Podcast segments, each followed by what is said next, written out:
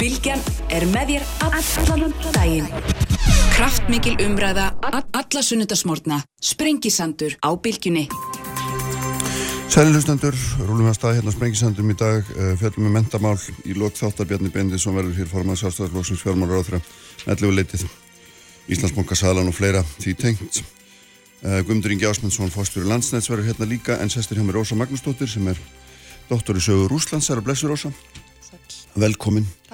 Uh, nú er hérna í dag, hún er nánast upp á dag, þrý mánuður síðan að þetta stríði úgræni hóst með innrás Rúsa og hérna sér nú ekki fyrir endan á þessu held ég enga veginn bara og, og þarna, mér sýnist nú að það sé það sé ekki einu sinni vonum neina viðræður í augnablíkinu uh, enda svo sem margir sem segja líka það sé ekki hægt að tala við Putin því hann ljúgur kortið er öllu fram og tilbaka en þarna, kannski ekki einn og það í sjálfu sér en, en ég minna, mér langar að segja þú nú hérna þekkir þess að sögu vel og svona þetta stjórnkerfi og hvað þetta heitir allt saman.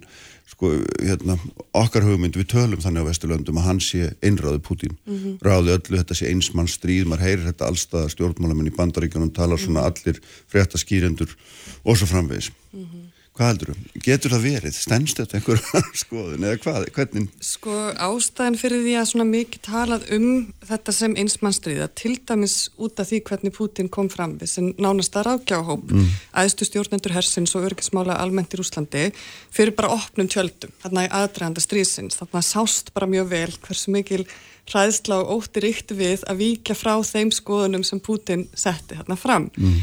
Hann hefur þessa menn greinilega algjörlega á valdi sinu og það var bara heldur ekki verið auðvelt að fylgjast með þeim síðustu vikur, síðustu daga virðast margir bara hafa horfið af sjónasviðinu, alls konar orðrómar í gangi til dæmis um heilsufar hérna, Sergei Sjókú sem er varnamálar á þeirra og svo þegar þessi menn byrtast í fjölmilum eins og til dæmis Medvedev sem að steinu hérna inn fyrir Putin á, sem fórseti árin 2008-2012 þá er það bara til þess að endur taka þessar yfirlýsingar Putin sem að sagt, benda rúsum á að efnaðsfinganir séu alfari vesturinn að kenna bandarækjumönnum eða NATO minna á að rúsum stafi ógnaðsum völdum svo framvegis. Og sko þetta er alveg í takt við þessa ímynd sem Putin hefur verið að byggja upp af sér alla sína valdatíð sem sem sagt svona, í, hann hefur verið þessi ímynd kallmennsku og, og ímynd hinn alls ráðandi leðtoga uh -huh. en sko hættan á því að vera alltaf að tala um þetta sem einsmann stríð er svo að ef að það svo verður hægt að kenna bara Pútín um þetta allt saman þá er það mjög erfitt uh, þegar að ykkur tíman þessu stríði líkur að stefna til dæmis öðrum í Rúslandi fyrir domstóla eftir stríðið. Mm. þeir munu og dæma þá fyrir stríðsklappi fólk mun bara segja, það var bara Pútín og við höfum ekkert með þetta að gera. Og þetta fólk mun svo bara halda áfram að setja við völdina Rúslands og þar eru alveg sko sögulegir samanbyrðir ég meina þegar Krúsjóf fór að hérna, tala um glæpi Stalins neynir ræðinu fræðu 1956 já. hann var alveg hluti af valdakerfi Stalins já, og allir sem sátu með honum. Þannig að það er alveg hægt að hérna, útrópa leiðtóðum og halda svo bara áfram já, já, meðan þú síðan tekur við völdin sjálfur og svo endur skrifar raun og veru þinn eigin þátt í, í hörmungunum sem fram hafa farið. Já, algjörlega, þannig að það er svolítið áhugavert að reyna að fylgjast með því hvar þessi valda klíka stendur en það er mjög erfitt, það er, það er þess vegna sem að, það er svona mikið tala um það sem einsmann stríð, það, við höfum ekki miklar heimildur um það hvernig tengsl aðstu yfiráðamanna bara í hernum eru við Putin og hversu mm. vel upplýstur hann er um framgangmála eða hversu sagt, miklu hann deilir með sínu nánasta Mér ástofnum mjög merkilegt að hérna, þegar kanslari Östuríkis var, var hjá honum um daginum Putin þá, þá ég held að hann hafi sagt eitthvað með þannig að honum hafi fundist að hann þyrta uppfræða Putin um hvernig stríði gengir raun og veru. Stór merkilegt er satt er ég að trúði nú ekki reyndar að Putin vitið þetta ekki en, en þetta er eitthvað svona það er líka því svo eru sögur og því að það er samskiptina rúsneska hersins séu í frosti þeir séu ekki með sameigileg samskiptakerfi, við getum ekki talað saman og þetta er allt svo förðulegt einhvern veginn miklum verðrættar stíl sko. Já Nei og algjörlega eins og þú sagði nú bara einn upphafi, það sem er svo erfitt um Pútín er mm. hann lígur nánast um allt mm. og við getum bara hugsað um vopnallíja samningana í Mariupol sem ja. endur tekið voru sveiknir en svo stundum segir hann okkur líka bara alveg reynd út hvað hann ætlar að gera ja. sko, og hvað hann er að hugsa. Ja. Hann sagði í mjög skýrum orðum að hann vildi hafa Úkrænu á sínu áhrifasvæði, hann setti 200.000 manna herlið við landamæri Úkrænu en við trúðum því samt ekki, það myndir aðastinn í landi. Sko okkur fannst og finnst auðvitað bara ennþá að þessi orðræða um nazista í Úkrænu sé svo fáranleg að við bara einhvern veginn trúðum því ekki að hann væri í alverðin að meina þetta og núna, eins og þú nefnir segist Putin vera að prófa nýjar kjarnorku eldflögar og segir bara berum orðum, hann segir að gefa óvinnu Moskvu eitthvað svona til þess að hugsa um Já.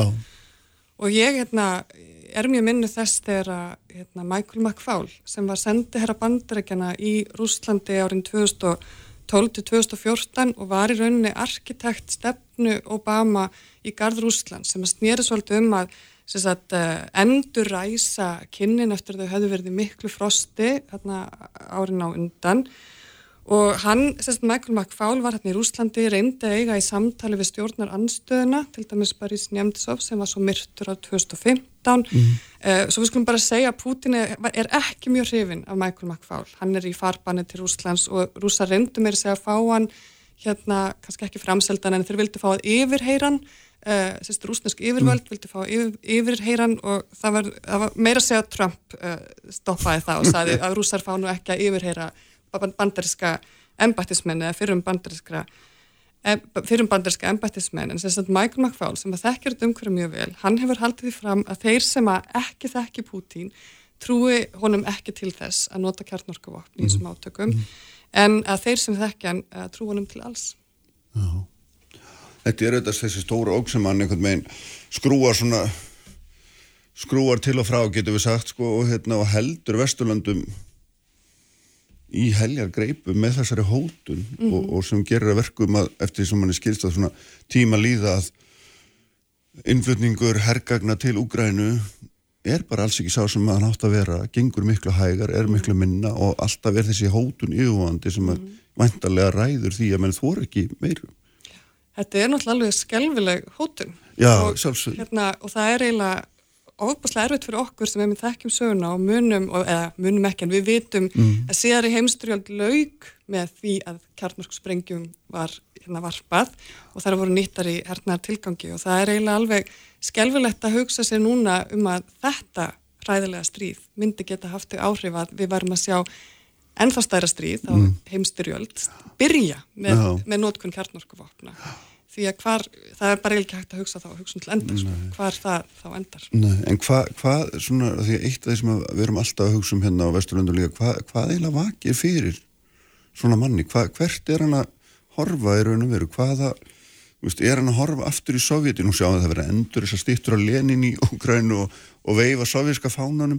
Nei, hvert eiginlega, þú veist, hvað svona segir hvað segir þín viska um þetta, Já. hvert er hvað eiginlega blasir hérna við baki? Já, Sko ég hérna, hef svona í minni kennslu sérstaklega þá hef ég mikið verið að horfa á þessa nótkunn Pútins á sögunni og nótkunnin á fortíðinni til þess að búa til einhverja hugmyndafræði innan Rúslands og það var einn hérna sovjaskur satiristi Mikhail Sadornov, hann saði eitthvað tíman að Rúsland er stórveldi með ófyrir sjáanlega fortíð og þetta hefur verið hérna, sagt oft í rúsnesku sögu, Alexander Hertzens á 19. öll saði eitthvað að það leiða rústnesk stjórnveld hugsuðu meira um fortíðina en framtíðina.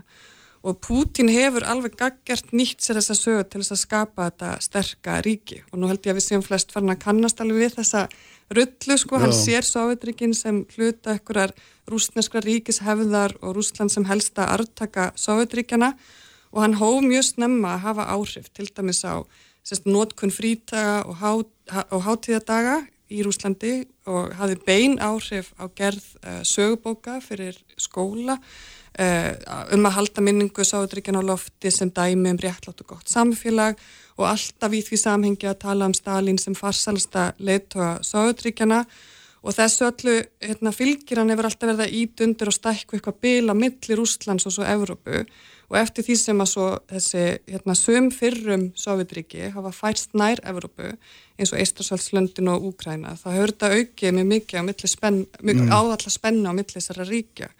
Þannig að Putin leggur áslás að saminningar ímynd að rússar og nákvæmna ríki þeirra sé eitthvað skonar saminu blokk og hann hefur nýtt söguna til þess að íta undir þessa tilfinningu hjá hann um almenna rússa til þess að þeir skilji stöðusin í heiminum á ákveðinhátt og finna til stolt, skakvar sögunni og sjá okkur á framtíð þar sem Rúsland er leiðandi stórveldi og að minnstakost á þessu svæði sem Putin sér sem áhrifasvæði sitt.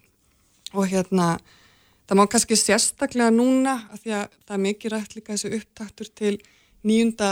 mæ. Já, já, já, já. Kanski fara Stóri hersýningadagurinn. Já, já, kannski fara að sefir sagt, hvernig sérstaklega 9. mæ og minningin sér heimsturjöld hefur verið með í að skapa þessa ímynd uh, Pútins og þessa hugmyndafræði Pútins í uh, Rúslandi í dag að hans er satt, þessi dagur hefur skipt alveg greiðlega miklu máli lengi, það er ekki bara í samhengi strísins í dag því að eins og ég var að segja að Putin hefur lagt greiðlega miklu áherslu á að endurbyggja þjóðar stolt rússa og hann gerði sér alveg grein fyrir notagildi frídaga og þáttíðsdaga í því skyni að rækta svona eitthvað svona samkend eða þjóðorniskend því að sko þetta eru svona stjórnvaldstæki sem hafa áhrif á daglegt líf fólks og ná einhverjum djúpum rótum í svona vitund almennings mm -hmm.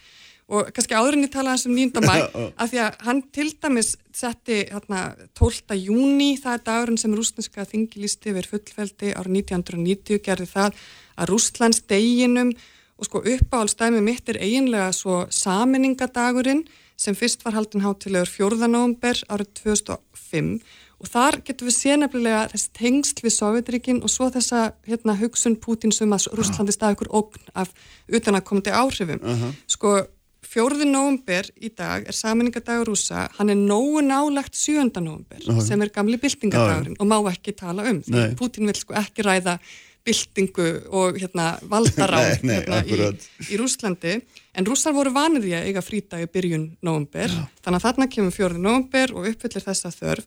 En ástæðan, hinn ástæðan fyrir valina á þessari dagsinningu er árið 1612 voru pólskir innrásarherir rekni burt frá Moskvu uh -huh. og þar með laug svona ákveðnum eh, vandræða tíma í sögur Úslands og það sem var mikilvægast í huga Pútins þarna laug erlendri íhlutun um málefni Úslands á 17. öld uh -huh. en þetta er mjög tákrænt fyrir Pútin að uh -huh. hann er alltaf að hugsa um hvena Úsland er stert ríki og án erlendra áhrifa Og svo 9. mæ sem er sigur dagurinn í Rúslandi, rússar fagnar þá sigri yfir nazistum Restin af Evrópu fagnar sigri í Evrópu 8. mæ uh -huh. og það var líka tákgrænt að þegar Eistursalsríkin fengu sjálfstæði að þá færðu þau sigurdaginn frá 9. mæ uh. til 8. mæ og sko Pútin hefur haldið svo lofti síningar í tilöfnum dagsins verða bara endalust starri, það er búið að vera að æfa síðustu vikur í uh. miðborg Moskva með hersýningar og svo framvegis -huh. en það sem kannski skipti máli er að minningin um stóra föðlandstríðið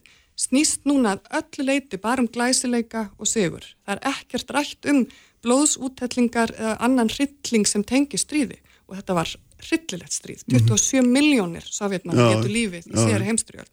Það er bara að tala um hugrekki og fórnir og þetta er svona sett í sama, eitthvað svona trúalegan búning sem að tengir þetta svolítið við þessa, þetta hlutverk réttrúnar já, sem eru orðin sama og um Putin meira eða minna er það ekki? Jú, það, en það sem að, þetta gerir, þessi orðræða sem er segja að Putin tókst í raunin núna að búa til kynsla rúsa sem er minna hrætt við stríð heldur en sovjetmenn voru á tímum kaldastriðsins sovjetmenn myndu hörmungar síðan heimstrialdar en þeir sem eru að alast upp við þessa ímynd Putins af síðari heimstriald sem bara hugrekkir hérna, hermenn fórnu lífu sínu fyrir glæsileika Sovjetríkjana og Stórveldið þeir séu kannski ekki alveg jafn rættir mm -hmm. við alveru stríð eins og kannski Sovjetmin voru áðurferð.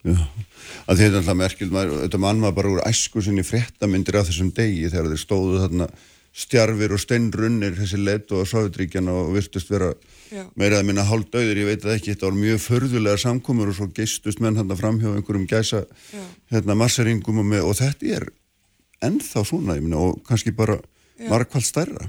Já, þetta hefur í rauninni stakk og einmitt svona hersinningar því vorum að tala um hérna, fjórðanóumber og að Putin vil ekkert með sjöndanóumber hafa að gera. Þá hefur hann samt núna undarfærin ár haft stórar hersinningar á hérna, sjöndanóumber og það er sko til minningar um hersinninguna sem að Stalin setti upp uh, 7. november 1941 uh -huh. þegar orustanum Moskvu var að hefjast og hérna, talaði til rauða hersins á. -huh. rauða torkinu og sendið það svo út í út í stríðið og þess er minnst með hersyningum þannig alltaf að sína þennan, þennan hernaðamátt, það hefur verið mm. mjög mikilvægt sko.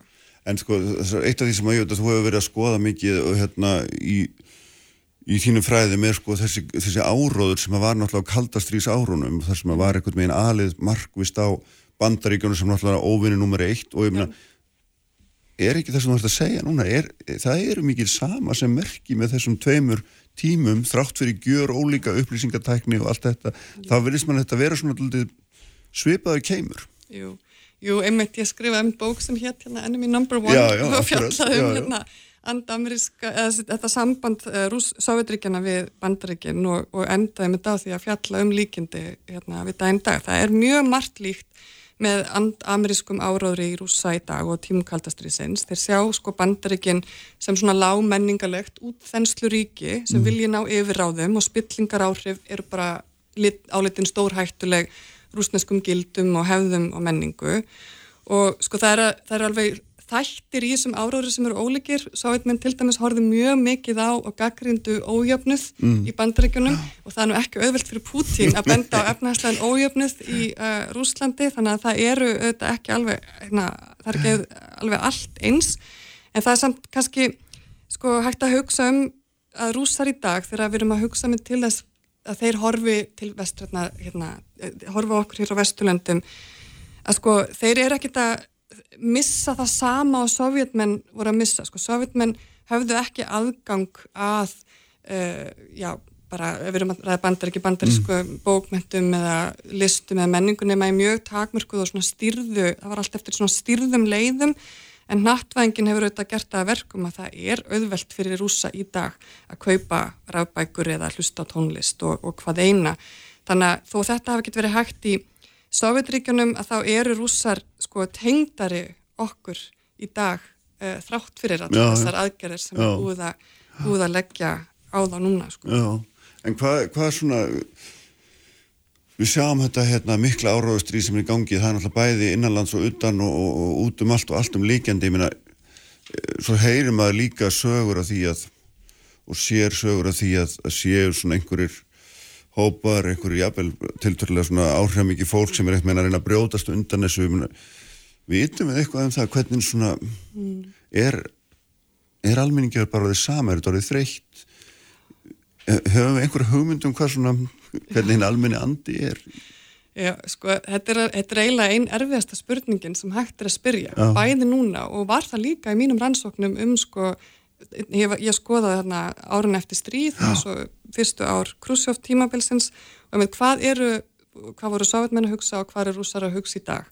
Og það er út af því að sagt, það er þessi gríðalega reytskoðun og það er ekkert tjáningafrelsi og það er ekkert fjölmilafrelsi og á tímum sáðryggjana fengu hérna, er aðgangað út á sendingum eða gáttu fengið ólulegar hérna, e, prentheimildir bækur og svo framvegis og það eru auðvitað einhverju sem er að leita sér upplýsing í dag. En það, það sem er svo erfitt er að það er ekki hægt að taka mikið mark á skoðanakonunum í allræðisríkjum eða einræðisríkjum eins og Rúsland Pútins er í dag. Fólk áhættu þess að í dag er það 15 mm. ára fjárs, fangelsi eða háar fjársættir bara fyrir að gaggrina eða mótmæla strísrestir í Rúslands í Úkrænu en sko Eh, það sést til dæmis í dag að fólk veigrar sér ekki meira við að svara skoðanakonunum, það er svona álitið sem táknum að, fólk, að þessar skoðanakonunir, það er svona eitthvað markaðum takandi, að fólk sé í stórumæli að svona fylgja sér í kringum leðtóðan, það er mm. þetta hérna, fyrirbæri að núna, við höfum svo fá valkosti að við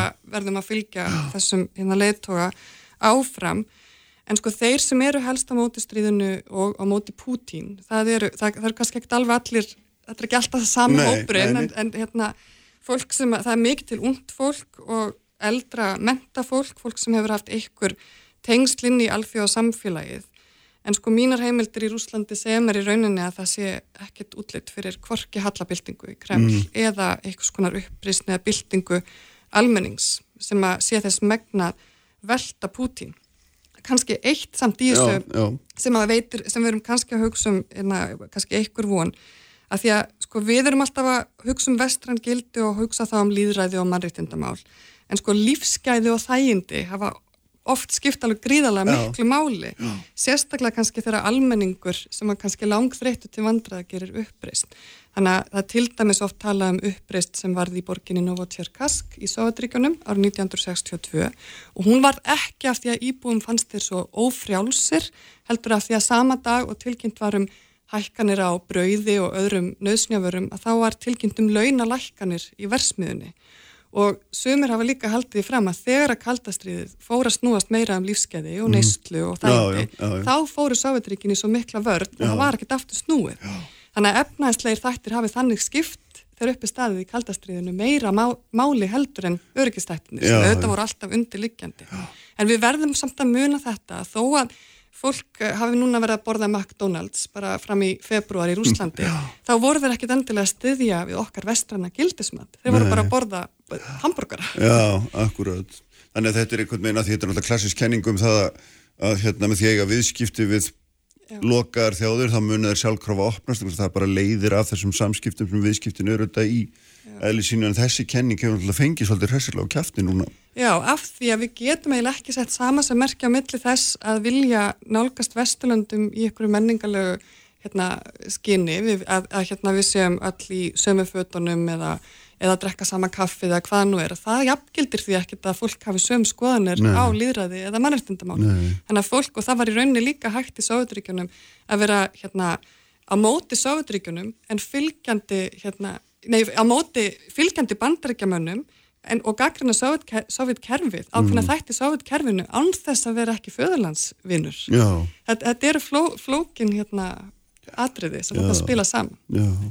Hvað er svona sko, hvað þarf svona harstjóri eh, einræðisherra hérna það þarf að búa allir einhverju leið fyrir hann út úr þessu? Ég, ég minna það, það er því að hérna það að leggja undir þessu úgrænver en nú ekkert smámál og gengur nú ekki vel. Já. og ég meina það þarf að búa til einhverja leið fyrir hann út úr þessu. Verður ekki meina, það getur enginn gestan nema hann sjálfur eða þá Vesturlundin með því einhvern veginn að Já. opna einhverja leið. Ég Já. veit það ekki. Ég held að kannski sérstaklega því ég er nú eina af þeim sem held að þetta verði mjög langt stríð.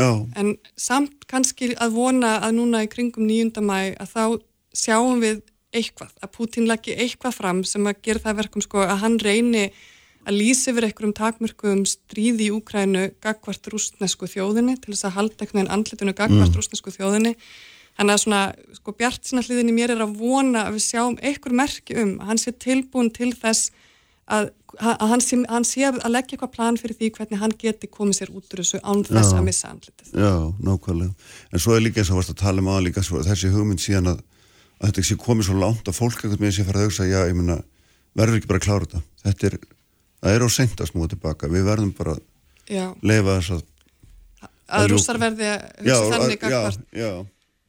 já, sko, svo auðvitað fá rússar ekki, hinn almenni borgar er ekki að fá réttar upplýsingar af, af framgangi stríðsins, þannig að það er erfitt kannski að tengja það nákvæmlega við einhverja framtíðar sín ég held að við séum alltaf vonað eftir því sem að hérna, stríði dræst á langin og mannfall sem eru auðvitað orðið alveg gríðarlega mikið mm. og rússar hafa mjög skakkar upplýsingar af því hversu margir rússar er að láta lífið í þessu stríði að við auðvitað vonum að það hafi líka áhrif Já. og allir sem þættir samankomnir þegar að þeir fara að finna meira fyrir efnaðastvingununum, þegar að það fer að hafa áhrif á uh, daglegt líf í. Rússlandi meira heldur en er núna, Já. þá munum við sjá ykkurar, ykkurar upplýsnir mm. En það er náttúrulega svona eh, sko, þegar að að þú talaður um þessar stórveldi ströyma, þessar hugmyndum Rúsland sem stórveldi og svo kemur þetta ljósa meiri sem henn glæstir rúsneski hér en nú ekki ja, glæstur og, og verðist vera sko, heldur þvert á móti þá hérna, verðist hann aldrei svona hanga saman á á líginni og þetta er svona ykkur, þannig er enni niðurlæðingin getur við sagt og erfitt að kingja gera í ráðfyrir sko. Já, ég held þá, ég veit að það hérna, þegar að núna fréttir fór að berast af hegðun rúsneska hersins mm. uh, eins og í Bútsa og fleiri stöðum í Úkrænu að það, það þeir, þeir rúsar sem að fréttu af því eruðu fyrir alveg gríðarlega miklu vonbriðum því að þetta eru auðvitað þekkt hegðun hjá rauðahernum í gegnum langa sögu, áratögu gamla sögu.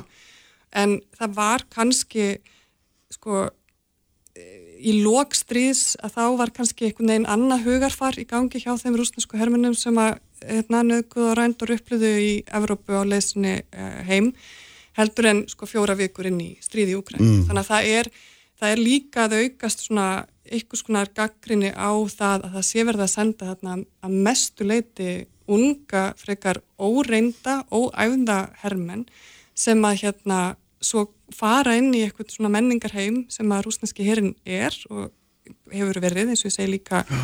í Sýrlandi og, já, og hérna, þar sem þeir var látið til sín taka að það vekur óhug. Já, hjá okkur Já, en það er líka merkilegt í þessu að, að það er þessi svona, þetta algjör að skeitingarleysi um mannslíf, bæði anstæðingan er líka raun og verið þína eigin hermana og svo þessi stórveldiströmmur þetta, þetta fer ekki vel saman Alls ekki, en þess vegna eru þeir auðvitað að halda dánartölum leimdum mm. fyrir hérna hennum almenna borgara í Rúslandi og Putin saði nú í upphafi stríðsins að hann myndi borga hverju fjölskyldu 5 miljón rúblur fyrir hérna hvert mannslíf þannig að hann er að reyna að tengja þarna sko einhverja efnahæsleg áhrif mm. við, við þessi við þessa skelvingu sem þessar fjölskyldur eru auðvitað Já, ummitt. Herri, við skulum hérna segja aðmennu eftir efninu bilið, það frábært að fá því og takk fyrir að koma og hérna. Haldum áfram hér á allt öru sviðu eftir. Þá reyndar mjög tengdu því að fjalla um orkumál með honum Guðmdínga Ásmundsinni sem er fórstur á landsnið, það er nú eitt af orkumálunum og eitt af stóru málunum í tengslum við þetta stríðsósun líka, en farið ekki land Sprengisandur alla sunnudaga á bylgjunni. Sprengisandur alla sunnudaga á bylgjunni. Særlega hlustundur, uh, hún er farin frá mér hún Rósa Magnúsdóttir Já, vonu á þeim Ingeborg Öst Stefansdóttur og Kristrún Lind Birgisdóttur hér lótt þáttar allum þá að fjallum mentakerfi svona með aðeins öðrum augum heldur en kannski ofta áður. Bjarni Bendisson fjármálar á þeirra verður hérna síðan á eftir. En sestur er hjá mér Guðmundur Ingi Ásmundsson sem er fórstjóri landsnett Sælablaðsa Guðmundur. Og velkomin uh, Þú hefur nú oft hérna, verið hjá mér áður og við hefum verið að fjalla um þitt sérsvið sem er auðvitað flutningskerfi orgu og nú er, hérna, nú er þetta auðvitað þannig og þeir eru með vorfund í, í, hérna, í vikunni og nú er þetta þannig að það búið að setja fram í metna fullur hugmyndur um að breyta Íslandi í, í rávorku land. Það er bara þetta að kalla það það. Það er orku skiptið auðvitað, það er litla sem eftir er. Ég menna við erum langt komin í þessu en, en flöskuhálsin getur maður sagt í þessum áallunum er auðvitað það að það þarf að dreifa orkunni um landið uh, og nýta hana þannig sem best. Og það er hérna, og það er einhver hluti svona þessar áallunum sem að stendur aldrei eftir? Jú, jú, það er alveg rétt hjá þér og, og þessi orgu skipti mun alltaf þýða aukinflutning mm. á kerfinu, það er svona nokkuð augljóst sem er fullestað í augnablikinu? Já, og kerfið er fullestað í augnablikinu. Þannig að, að bæta við er ekki, e, ekki létt verk. Nei. e, Við höfum alltaf verið að vinna mjög mikið á undarförnum árum í framkvæmdum og fjárfestingum. En það hefur gengið hægar í meginflutningskerfinu hjá okkur byggðalíninu aðalega og og það skiptir miklu máli vegna þess að þessar stóru línur hafa svo viðtak áhrif þannig að við þurfum að ná meira árangri þar. Mm -hmm. en það er náttúrulega, ef maður er að horfa orku skiptin að auðvitað er það þannig að ef við ætlum að nota orku á fleiri sviðum, þá náttúrulega aukast líka kröfuna gríðarlega mikið á orkuna, það verður að hafa tryggan, örgan, aðgang að, að orkunni. Mm og, og, og þannig að kröfunna til okkar er líka markvaldast tengslu allar þessar sviðsmyndi sem er að koma. Já, já, nákvæmlega. Og ég fór nú aðeins, var aðeins þegar ég var að hérna, undirbúið mig fyrir þetta þá hérna, var ég að skoða, maður getur náttúrulega fundið hér sko nokkur ára aftur í tíman hverja skýsluna fætur. Annar um orku þörfu og einmitt þess að segja sviðsmyndir fullri nýtingu og hálri nýtingu og hvaða hérna flutnislegir á að fara og hér til, til orku stefna eftir fram til 2050 og, og sagt, hérna að hún verið sett verið tveimur árum að þarna verið skýr framtíðar sín og svo framvegs en það þurfti nú framt að fara í sérstakka úttætt núna aftur 2022 til þess að meta stöðuna. Og hérna ég minna, hva, hvað erum við að tala um hversu mikla fjárfestingu þurfum við í flutnískerfi til þess að geta staðið undir þessum áallunum öllum sem við erum búin að gera um að verða hér sjálfbært hérna, svona ramar samfélag Við höfum verið í okkar áallunum núna, við náttúrulega gefum út kerfisállunum hverju ári og nær til tíu ára. Já. og þar hefur verið áallega næstu tíu ára, þá eru kannski svona 80-90 miljardar fjárfestingar. Mm -hmm. nú síðan er breyta fórsendu núna, það er verið að teikna upp í grænbókinni á vögun stjórnvalda. Það er verið að teikna upp sviðsmyndi fyrir orkusskiptin og, og það er sjálfur sem mjög góð vinna á, á bakvið það. Og það er búið að magtaka þessar sviðsmyndir og, og þá sjáum við það að okkar fjárfestinga dög ekki til. Það sem Nei. við hefum verið áallega á tíu árum að þær dög ekki til. Þannig að við sjáum fyrir að, að það þurfi að bæta verulegi og jafnvel alltaf tvöfalda Þannig að við erum að tala kannski alltaf 200 miljardar fjárfesting á tíu árum til þess að Já, eh, við, við erum náttúrulega að horfa núna til 2030-40 þannig að það, það þurfum að horfa á þær sviðsmyndir allar saman. Mm -hmm. og auðvitað á þessu stíði þá erum við ekki með nákama törur um hvað þarf á þessu tí, tímabili en, en svona erum við komið ákveðna mynd af því. Og þar eru við að tala um fjárfestingar sem eru 23 faldar á þessum tíma. Þetta þarf hens verið ekkit endilega því að að, að flutningsgjöldin sé að hækka einfalda vegna þess að áforming gangi út frá því að, að það ekki svo mikið flutningsmagn þannig að mm. það er að segja að þessu fleiri sem er að borga borga kostnæðin. En þegar þú ert að horfa þessar hérna, áhallanir eitthvað um fjárfstingu og, og, og, og horfið svo til og meins nokkur ár aftur í tíman hérna, hva, hvað er því að fjárfesta mikið á hverju ári núna versus það sem þið þurfið síðan að gera inn í þessi næstu ár sem þú ert að nefna? Sko undanfærin ár þá hefur verið að fjárfesta svona kringum 8 miljardar á ári það hefur okkar fjárfestingar og þær hafi verið mjög meiri heldur en áður mm -hmm. þannig að við hefum verið í fjárfestingar átæki við hefðum viljað fjárfesta heldur meira en, en stóru framkvæmdirnar hafa tafist út af því að leifisferðli er gríðarlega flókið og erfitt að komast í gegnum það Já. ef við erum að horfa kannski á svona sumir af þessum sviðsmyndum þá erum við að tala um á þessu tímabili kannski svona 12 miljardar ári og, og jafnvel meir en það í, í stærstu sviðsmyndunum þannig að þetta er svona stærði sem við erum að horfa á núna mm -hmm. í samanbyrði Er þetta raunhæft? Er, er fjármagnir fyrir hendi og svo framvegis? Já, ég held að það sé raunátt að þetta sem fyrirtæki að, að þá, þá erum við náttúrulega að huga að okkar fjárfæstika getu og, og, og hérna við heldum að við ráðum við það mm. vegna þess að tekjustreymið ekstra móti þannig að við getum fjármagnað þetta sjálf en, en auðvitað kemur til með að reyna á það en við komum mjög vel undirbúning til leiks að staða fyrirtæki sem er mjög sterk og, og eins og ég sagði við höfum verið heldur hægar í fjárfestingum undarverðnum árum heldur en höfum viljað sem því þá það við höfum aukið afl til þér. Já, en eins og nefni léttilega þá, hérna, þá er ekki létt að, að fjárfesta í flutnískerfi raforku í Íslandi. Það er bara hérna, mjög flóki, langt ferli og bara margar hérna, hindranir á leiðinni, mörg ljón í veginu getur mann og sagt.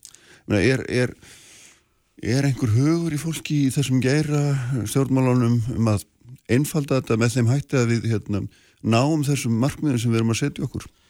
Já, sko, það, eins og staðinni núna hvað framkvæmdina varðar þá tekur okkur kannski svona þessum starri framkvæmdum tvö ára framkvæma, tvö og halvt ára eitthvað svo leiðis, en við hefum verið alltaf tólf ár, jafnveg lengur að, að fara, fara í gegnum leifisfællið þannig að það er mikið verk að vinna þar og við höfum alveg fundið í stjórnmálum mikið vilja til þess að gera breytingar en það virðist bara vera þingra að gera breytingarnar heldur en ella. Þannig að er þau áform núna er ekki búin að skila sér en þá og, og við sjáum svo sem ekkit fyrir endan á því. Það sem við höfum þá séð er það að það er sett að auka fjármagn inn í stopnaðinnar sem mm. snúað okkur. Og það hefur hjálpað aðeins sérstaklega í kannski minnu og einfaldari framkvæmdanum en, en í stóru framkvæmdanum það sem þú þarfst að fara inn í ferlið, teiknað upp á nýtt og, og einfalda og gera það skilvirkara og meta hvað er nöðsilegt og hvað er ónöðsilegt að þar eru venn sem komið er ekki sjá neitt náðungur. En þetta er semst þannig svona bara fyrir leikmann utanfrá að þá er þetta með þannig að við setjum sniður einhver hópur fólks, skrifa fallega skýslur um þetta er þorfin og, og við viljum þarna gera þetta svona og svona og svo þurfum við að fara að framkvæma og þannig að þurfum við að leggja línuna til þess að dreifa orkunni að þá er bara allt hygstar allt. Já, þetta er staðan hjá okkur og, og þetta er staðan í mörgum þjóður endar, hjá mörgum þjóðum, þetta er ekkert sér Íslands og ég held að þessi alla þjóðir núna í Európa minnstakosti að reyna að auka skilvirknina í ferðlunum hjá sér. En svona með misöfnum árangri sem er hann á ágættis árangri en, en, en við því miðurum ekki ná góðum árangri enn sem komið er. Okay. Sko hérna, við, við, erum að, við erum að keira, er það ekki svona þetta flutningskerfi okkar á línum sem eru svona við það nálgast miðjanaldur svona í, í mannárum talið, er það ekki 40-50 ára í, í flestum tilvellum Jú, sko, og hversu brín er sko endunni hérna þarfinn bara af þeim sökum? Já sko hluti auðvitað getur maður tekið línu og haldið henni við nánast óendalegt uh -huh. með því að endur byggjana bara Já. alltaf en það er náttúrulega engi skinnsem í því og það er línu sem við erum viðkomast að fyrir og mestu flaskuhálsin í dag er byggðalínan og hún er að flytja kannski svona 100-130 megawatt eitthvað svo leiðis á meðan að þörfin sem við erum að metja í dag er, er á byrjunum 5 til 700 megawatt. Og það eru það línu sem við erum að reysa í dag núna eins og kröplina 3 sem er með þessa fluttnísketu mm.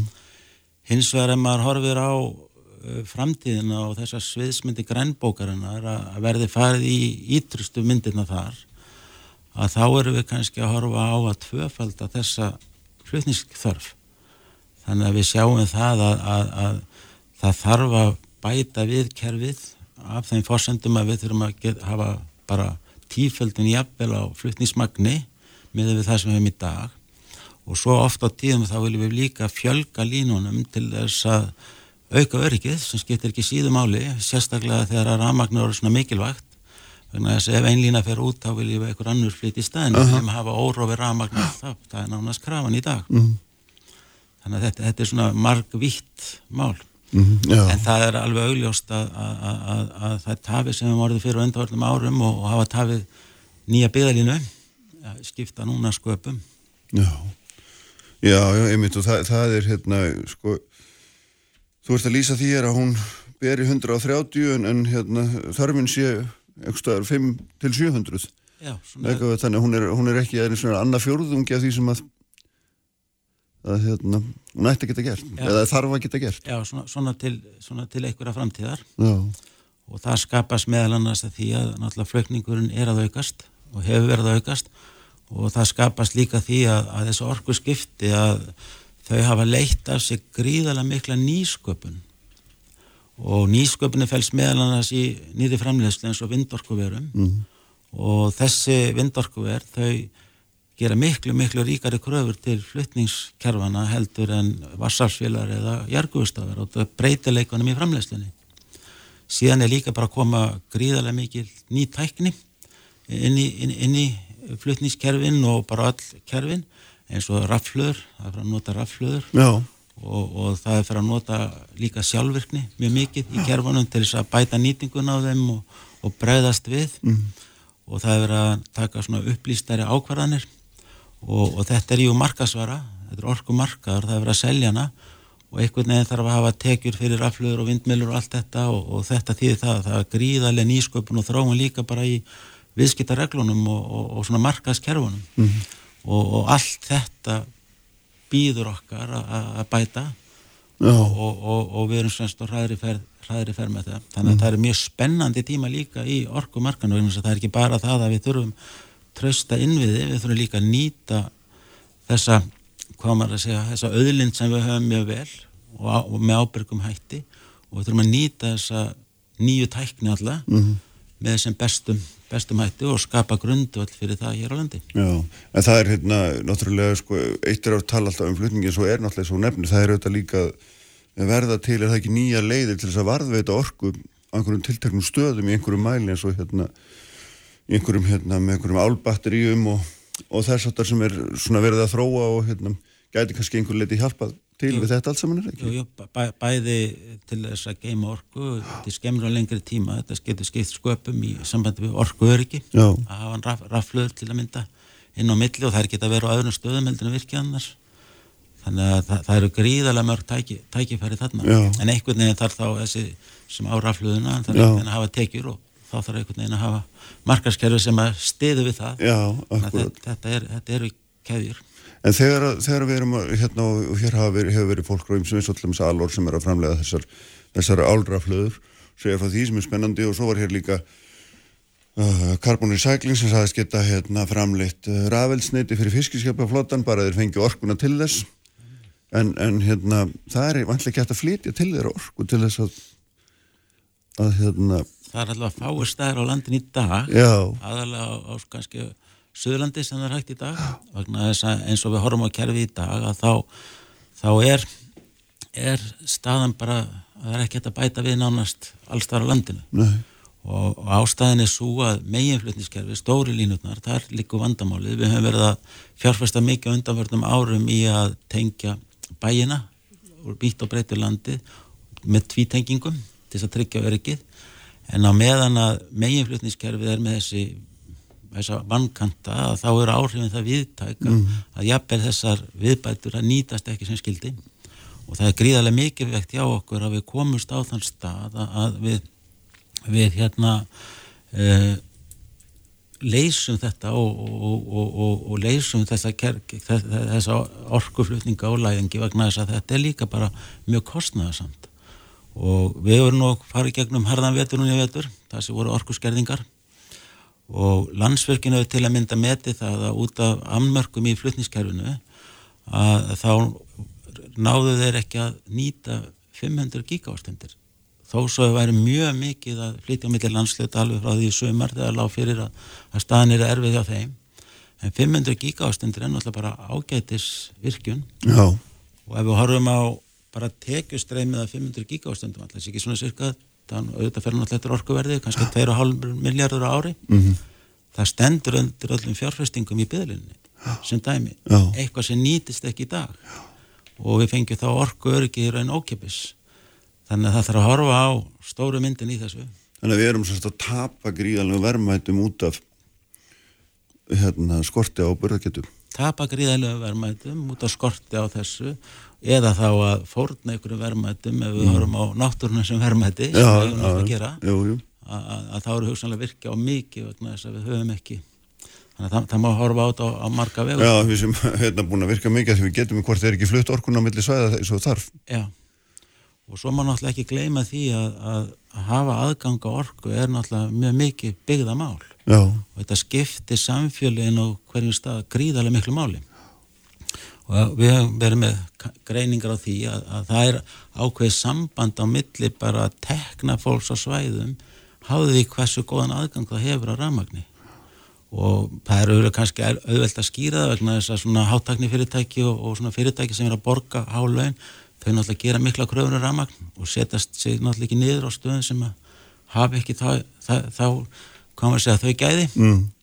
En, en það, það er hægt að sína fram að þá er ekki eina orsakasambandi að sjálfsögðu nei, nei. að þá er samt sem áður á þeim svæðin þar sem er ótryggt aðgangi að rafmagni að þá eru bara tekjur hennilega lagri þannig að þetta er mikið byggðamála að, að hafa tryggt um allt land Segir sér náttúrulega sjálft að fyrirtæki sem þarf á einhverju slíku að halda þar setur sér ekki niður á svæði eins og vestfjörðum til dæmis þar sem að hérna, orku óöryggið er mjög mikið. Já, já, það er, það er alveg rétt En hvernig er þetta bara hérna á nærsveðanum hérna alltaf sem svo suðunis, þar sem hefur verið deiltum inn á svo kvölduðu suðunis að línu í mörg, mörg ár. Ég meina, hvað gerist, hvað, hvað er með þess að flugvallarsvæðið og annars slíkt, er það, Já, það er bara mjög erfið stað á Suðunis, Suðunisunum út af því að það er bara ein lína þar út á, út, á, út á nesið og, og, og við höfum verið í strand þar með, með hérna leifi frá sveitafélaginu Vógum um að leifa okkur að byggja aðra línu. já, Nú kerfið þar er nánast full lestað og, og það er ekki 100% örugt vegna þess að jargufustöðvarnar þær, þær leysa eflitt út þegar línan fer. Þannig að þá verður bara blackout á öllu sveðinu og það hefur komið fyrir. Þetta, þetta, þetta er þekkt. Mm. og það, þegar kerfið er full lestað að, að þá hefur það náttúrulega gríðarlega áhrif á allt umhverfið og við erum nú að tala núna með orkuskipti í samgöngum og þó er það ekki nema bara fólksbílum sem er svona fyrsta skrefið og, og þarna er náttúrulega stór flugstöð sem þarf sitt öryggi en ekki bara það að þarna er líka stór bílafloti meðal annars bílalegu bílar sem þarf að hlaða og jafnvel aðri bílar sem koma til og frá flugstöðinu velja að hlaða með þeirra að býða eftir fartöðum með eitthvað slíkt. Mhm. það er enga veginn að verða við því við þar aðstæði sem er í dag vegna þess að þetta getur verið mjög mikið afl sem að þarf þegar verið að hlaða bíla vegna þess að traffíkin á flugstöðinu er daldi í púlsum. Já, og, og það, þannig að það er kannski erfiðar að dreifa því þannig að það kemur svolítið í toppum og, og, og mikið, mikið álag þannig að það, þessi framkvæmt þarna hefur gríðarlega áhrif á, á svæðinu þar og, við tekjum það alveg að fyrirtæki þau hafa ekki haft, þau hafa haft áformum, áformum að byggja þar Mm. en hafa ekki haft erindi sem erfið vegna þess að þau hafa ekki fænilega ekki geta fengið orkuna út af, af takmarkum í flutniskerfinu þannig að þegar fara að hafa áhrif mjög mikil á svæðinu sko. Já, en það, það, það, þetta er þannig að við erum að hérna, skipta bílaflutunum út í ramarsbíla og ætlum að vera með alla bílalegu bíla á ramagni erum með þá út í keflaug og það er ekki hægt að hlaða á því við getum ekki flutilir orku er, er þetta í alveg svona? Já, það er alveg, alveg fullnýtt þarna, þannig að þú bætir ekki neinu við og eins og ég segi, við höfum verið að st- að na- hafna því að fyrirtæki hafi aukið flutni, au, aukið orkunotkunna einfallega vegna þess að við höfum getað flutta inn á svæðið Mm. Og að sjálfsögðu þegar í línan er bara ein við þessar aðstæður, þá getum við heldur ekki tryggt kannski viðunandi öryggi vegna þess að það er ekki öll fyrirtæki sem geta mist orkuna í einhverja klukkutíma jafnvel daga vegna þess að, að, að hérna, lína bilar Mm. þannig að það er bara ekki aðstæður sem að fyrirtækin geta sætt sér við, þau krefast meira örgis en það. En hvað, ég meina þetta er nú hérna, sagar sem að einhvern veginn svona þú lítur að búin að segja fleiri minn mér og, og, og þið og, og ég meina hver eru viðbröðin? Ég meina þetta er einhvern veginn svona maður missi bara hérna andlitið og staðan og söðunni sem er, er náttúrulega svo að við fórum með þetta mál frangatalegi mm. okkur hafna frangatalegi vonum, við fórum með það fyrir úrskrænend umhverfis og öllundamála hún gerði ekki aðtöðasendi við mála tilbúna okkar eða leifis umsókn heldur gerðum síns var aðtöðasendi við e, ferli hjá sveitafjörðinu vóðum mm. og, og sagði að þau hefði ekki uppfyllt sína skildur ja. Og gerði líka jafnvægt aðtöðasendi við álið skiplastofnar mm. á, á umhverfismættinu nú síðan þá hefur bara lítið gerst. Og við höfum sjálfsir ekki átt mikið, mikla viðræður við, við, við sveitafélagið mm. og erum bara býð eftir að þau bregðist við þessari niðurstöðu. Það er liðin okkur mánuði síðan það var og, og við sjáum svo sem bara ekkert fyrir endan á því En hvað gerir svo? Segjum nú það hérna, að, að þið vinni málið og megi farið framkvæmdir hvað er þá langur tími í raunum veru frá því að sá úrskurðu fellur og þar til að það er hægt að sjá þessu svæði fyrir því rafmagni sem að Já, það þarf. Það, það, það tekur okkur svona tvö ára framkvæma Já. að því gefnu að, að það er tilvæg sem við leggjum fyrir verði niðurstaðan. Við hefum ekki séð kannski neinar breytingatilvægur á því og, og ef, það, ef við fengjum framkvæmdarlega við að því gefnu þá væri þetta um það byrjum tvö ár. Mm. Þetta er hérna einn frálegast í upphörgumdur og það er svona greinlegt að hérna það er margt sem blasir við á næstu árum við ætlum að standa undir þessum metnaða fulla átlunum okkur um að ná Parísa samkómulæginu og uppfylla þessar grænbækur allar og, og, og hvað þetta nú allt saman heitir ég er svona bara í rétti lóginu minna er, er þetta því að er þetta skrifað um, er þetta alltaf mikla skíaborgir er ekki best að orða að þannig frekar en hérna, byggt á runnsægum aðdum hvað við getum gert?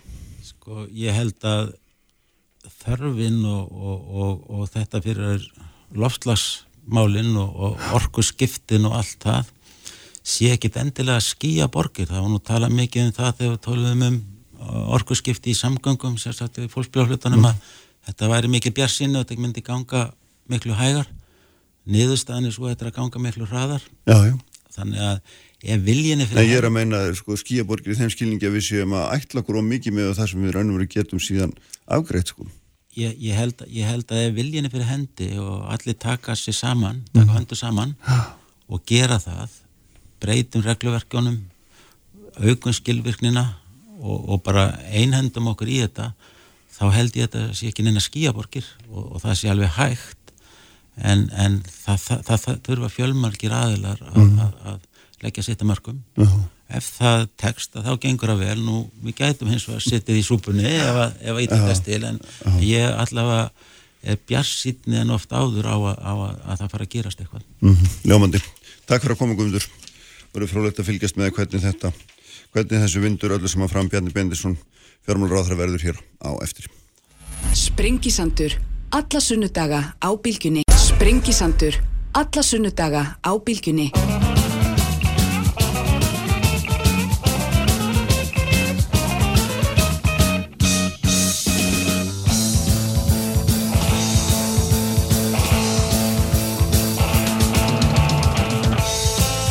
Sælir aftur hlustundur, uh, það er verið að hérna hjá mér Ingebjörg Östefansdóttir og Kristrún Lind Birgisdóttir, ætlum að fjallum mentakerfi hérna í lokþáttar, Gundur Ingi Ásmundsson var hér hjá mér, fórstur í landsnits en sestur hjá mér Bjarni Bindesson formar sjálfstæðarslósin fjármálar á þeirra sætla blessa Bjarni, velkomin. Já, takk fyrir það, góðan daginn. Góðan dag. Heyrðu, það er þessi Íslandsbankasala sem ég langar að ræða við þig. Já. Um, hérna, þú hefur sagt þetta við nú í grunninn gengi vel og margir aðrir hafa orðið til að taka undir það en um leið segiði, já, svona leggja niður bankarsýsluna sem sá um verkið, segist það að farið öll eftir lögum, farið með allt rétt að bóðleðir, farið fyrir þingnumdir sendir plöggin, þú undir þetta gert allt eins og átt að gera það mm. þannig er eitthvað sem ekki rýma saman. Ég er nú ekki sammála því Nei, nei gott, en... En, en en sko það er bara, það er pólitíska ákvarðinu sko varðandi það hvernig við viljum standa sölu frekar eignum hluti í framtíðinu hérna eru kannski megin skilabóðan þau að við ætlum að hingra með frekar í sölu þar til við höfum tekið þetta ferli til endurskoðanar mm -hmm. hvernig við um, undirbúum svona ákvörðu Af hverju viltu endurskoða? Hvað er það sem er raun og veru núna veldur því að þú segir er við hingað ekki lengra?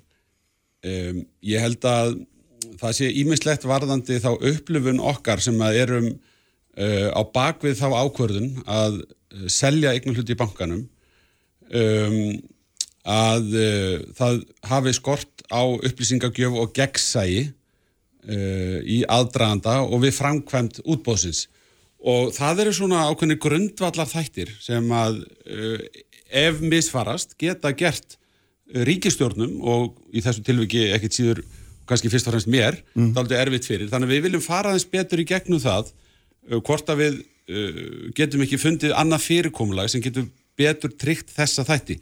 En við ætlum fyrst að fá neðustöðu í þessa úttækt sem er í gangi og ég stend alveg með bankasíslunni því. Ég hef ekki komið auðvitað á neinn lögbrot. Við erum heldur ekki að halda því fram. Mm -hmm. og ég er að segja að við höfum náð hérna langt flestum okkar markmiðum og í raun og veru ef mann skoða þetta af einhverju sangitni af einhverju sangitni mm -hmm. þá erum við hérna með stórkostlegan árangur fyrir ríkisjóð uh, varðandi Íslandsbanka. Við höfum séð verðmætti bankas hækka um uh, 100 miljardar á einu ári. 100 miljardar um, við erum í þessu útbóði ég heyri fólk segja, heyrðu, hér er verið að gefa eignir og eitthvað svona, heyrðu, við. Við erum að selja bankan í þessu útbóði á meir en 50% herra verði heldur en í almenna útbóðinni fyrra og það er ekki ár lið mm -hmm. meir en 50% herra verði Já. og meir en svona rétt í kringum 30% herra verði heldur en fyrsta viðskiptagengi var um, þegar að bankin var skráður og markaði fyrra þannig að það stennst enga skoðun en það er menn skoða það í samanbyrði við önnu lönda þá eru við með banka hér í höndunum sem er svona frekar háttmetin í við aðra. Já, en, en þetta, þetta stendur samt alltaf eftir, ég minna, ef, ef, hérna, ef að bankasýslan segist að hafa farið eftir lögum og hafa kynnt allt sem hann nákvæmlega svo nátt að gera, þú skrifaði sjálfur undir heildarmyndina, þetta væri tilbóðsupphæðin mm. og þetta væri heildarmagnið og svo framvegis. Þetta horfið til framtíðar. Já, já, já. En, þetta er, þetta er, við erum að segja, við erum að hinga með frekari sögum vegna þeirra umræði sem hefur skapast vegna þessa útbóðs, þurfum að tæma þá umræðu fara ofan í þessa þætti sem að hafa sætt gaggrinni, reyndar verði að segja alveg svo er, mér finnst vera mjög daburlegt að, að hlusta á margt það sem að sagt er, ég menna menn rjúka til og grýpa alls konar hluti sem að uh, er fleikt fram, ég menna kjarnin fer hérna á staðum daginn og segir meiri hluti hefur selt eftir útbæði, þetta er bara ránt, alránt og var leiðrætt, ég er enþá að hitta bladamenn sem halda þessu fram við mig. Ég get tekið annað dæmi, Pál Magnússon veður fram á reytvöldunum og segir, ég heyrði manni sem að hérna, skráðu sér fyrir bregum og selduði bara morgun netti. Hvernig, hvernig stendur á því að bladamenn flytja svona vittleisu, uh, bara umbúða laust og bara fleita þessu áfram í umræðina? Þegar allir vita, allir vita í fyrsta lagi að uppgjörstagurum var ekki fyrir ná mánudegi og útbóði fóra fram á þriðudegi, það gæti enginn selta einn eftir. Uh, þann dag mm. var markaðsgengi á bankanum ekki 127 heldur miklu læra en mjög skrítið að einhver hafi verið tilbúin til þess að, að, hérna, að bjóða þessum hérna, kaup, að kaupa á húnum brefin sem hann ekki var búin að fá í hendur á gengi sem var miklu hærri en að marka en þetta flyttiði fjölmjöla menninir og, og, og hérna, æsiðu fólk. Já, já, já. þetta er bara byrt byrt, gaggrinnislaust og, og ef maður skoða eitthvað sangirni og þess vegna er ég að segja að það þarf að skoða eitthvað sangirni Ef þú ert sangirna móti þá verður þú náttúrulega að horfa uppruna sögunar hann er ekki frá blagamannum, hann kemur frá einum af þínum fyrirverandi þingmannum, við skulum ekki gleyma því. Sagan er það. Hvaða máli skiptir það? Það skiptir bara öllu máli hver segir sögun og hvernig það finnst mér bara að pál, hérna verður að hafa, fara rétt með sjálfu, ef ekki að byrja her, það það, það fyrsta sem að alveg, það fyrsta sem að alvöru bladmar á að segja heyrðu fyrirgjöð, hérna er eitthvað ránt Það er fullt alvöru bladmar um Íslandi sem hefði átt að segja þetta er samála því, en við skulum nú samt sem áður haldaði til haga, hver fer með hérna stælsu stafi upphæfi, er það ekki? Er það ekki ágætt? ég bara sé ekki hvað málið það skiptir sko. Nei, mér finnst það skipta málið allavega. En sko, hérna eh, það er, það er svona, hérna í þessu þetta er einhver, einhver þrep þú veist, þú ert með ríkistjórn, þú ert með bankarsýslu og svo ertu með fjármálafyrirtæki. Og, og hvar er það að þínu mati sem að hérna, þetta fer úrskiðist, því að eins og bankarsýslan segir, hún er búin að fara yfir þetta allt saman nákvæmlega. Verið Nú ert að segja við mig að það hefur mikið farið er Nei, það sem fór úrskiðis? Ég sagði, hvað er það sem að þínu mati hefur farið úrskiðis það var það sem ég spurði. Þú, segir, þú byrjar á því að segja að það hafi mikið fyrir úrskæðis og ég spyr því á móti bjarni, hva, hvað fór úrskæðis það fór úrskæðis greinlega eitthvað að þínu mati því þú vilt endur skoða ferlið já, og ég var að fara yfir það hérna fór, fóruð ekki úrskæðis að, hérna, að starfsmenn fjármálafyrirtæki fengi að kaupa sjálfur fóruð ekki úrskæðis að hérna, já, fóruð ekki úrskæðis að einhverju starfsmenn lífyrirsjóða letu hérna, maka sína vita og þeir kiftu fóruð ekki úrskæðis að faði þeim kifti En það fór þetta ekki allt úrskiðis. En byrju, sko, e, hvað áttu við með því? Var, var hann bannað að kaupa það? Nei, nei, nei, nei, en Bjarni, er það ekki bara þannig sjálfur sér að þegar þú stendur á baku útbóð og segir fjölskylda þín, Heyrðu, ég ætla að halda mig til þér. ég, ég Ég veit það, að þú hefur sagt Ég hef það. sagt það og, og, og hérna En- En, en, en ég, vona að það sé ekki það eina sem þú heldur að hafi Nei, sem sagt, nei, nei, hérna, nei. sta- standi upp úr Þú að mig benda bara að stór- þetta upp, ég er- að upp en nokkra að þætti. Mm. og geta aldrei hafa verið á ábyrð sko pólitíska ábyrð fjármálar á þeirra í þessu ferli ef að einhverjir þáttakandur í þessu ferli sem eru með samninga og hafa hlutverk Mm. Já. uh, brjóta á sér uh, brjóta af sér, Af sér, já, uh, já. brjóta af sér í ferlinu um, virði ekki trúnað uh, misfara með upplýsingar uh, eru segir um hagsmun árastur og svo framvegis Já. þá verður að sjálfsög tekja á því með viðeigandi hætti við erum með eftirlitstofnanir og fjármála eftirlit Selabankans Mhm. sem að e, er að eitthvað að skoða þessa þætti, ég veit ekki nákvæmlega hvað þeir eru að skoða en ég, ég vænti þess að þeir séu að skoða mm, hvort að hæfir fjárfestar engöngu hafi fengið að taka þátt og mögulega eitthvað svona atriði sem að ég veit ekki þegar að fengi ábendingar um. Og, og hérna, við skoðum það bara. En breytir ekki hinu.